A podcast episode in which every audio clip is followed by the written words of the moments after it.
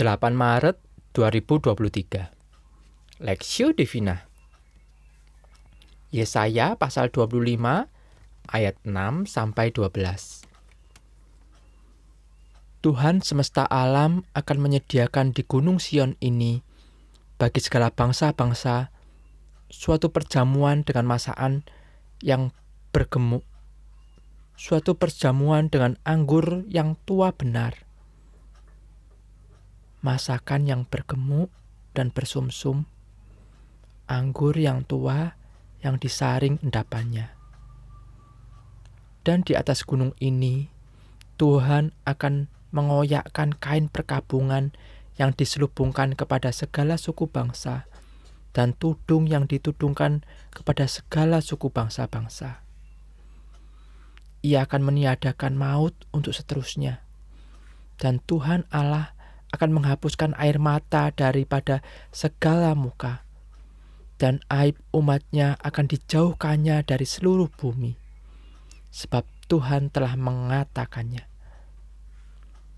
Pada waktu itu orang akan berkata, Sesungguhnya ini inilah Allah kita yang kita nanti-nantikan supaya kita diselamatkan Inilah Tuhan yang kita nanti-nantikan.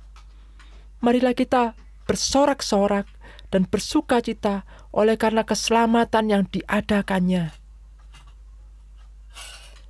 Sebab tangan Tuhan akan melindungi gunung ini, tetapi Moab akan diinjak-injak di tempatnya sendiri, sebagai jerami diinjak-injak dalam lubang kotoran.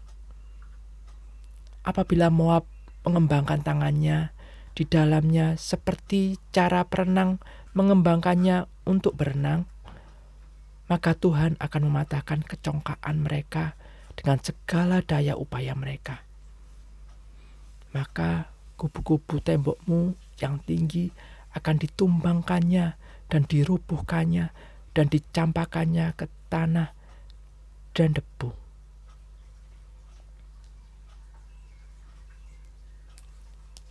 Kasih Allah yang sempurna perspektif.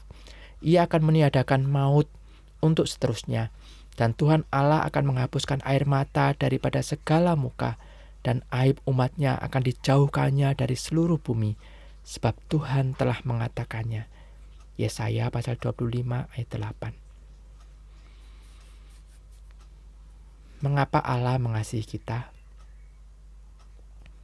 Pernahkah memikirkan pertanyaan ini? Apakah yang ada pada diri kita sehingga menjadikan kita orang-orang yang dikasihi Allah? Jika kita sungguh-sungguh memikirkan pertanyaan ini dan menguji hidup kita di bawah terang kebenaran firman Allah, maka akan muncul pertanyaan, apakah manusia sehingga engkau mengingatnya? Sambil memandang diri kita Sejujurnya kemungkinan kita akan bertanya, mengapa Allah mengindahkan kita?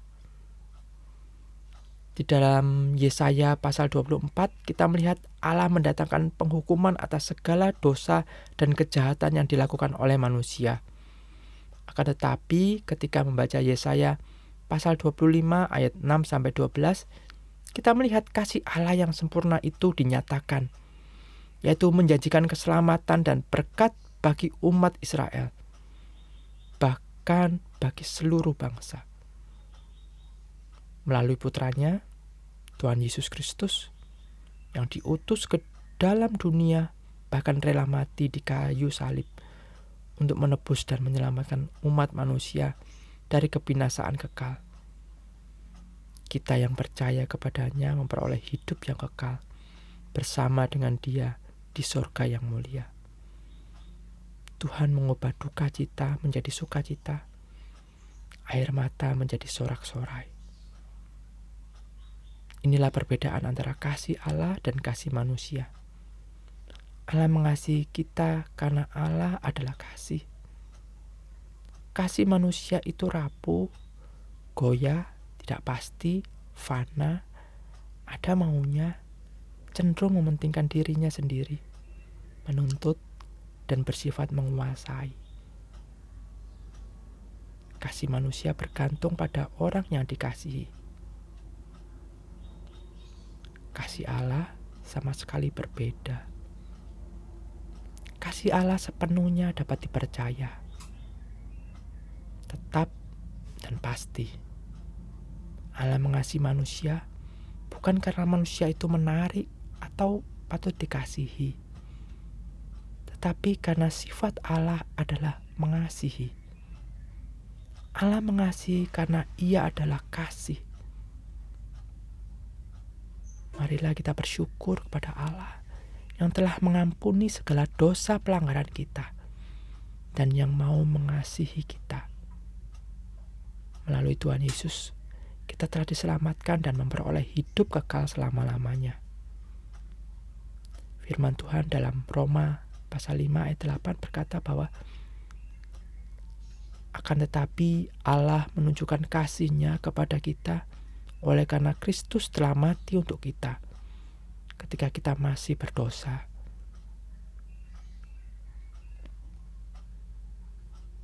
Studi pribadi, coba renungkan, laikah kita dikasih oleh Allah.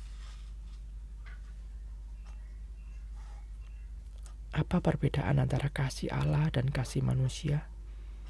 Serta bagaimana seharusnya respons kita?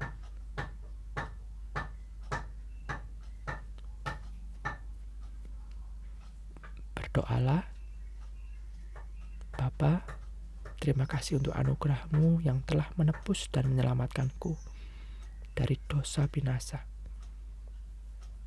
Tolong kami hidup benar dan tetap setia mengiring Tuhan, mengiring Tuhan Yesus sampai akhir hidup kami.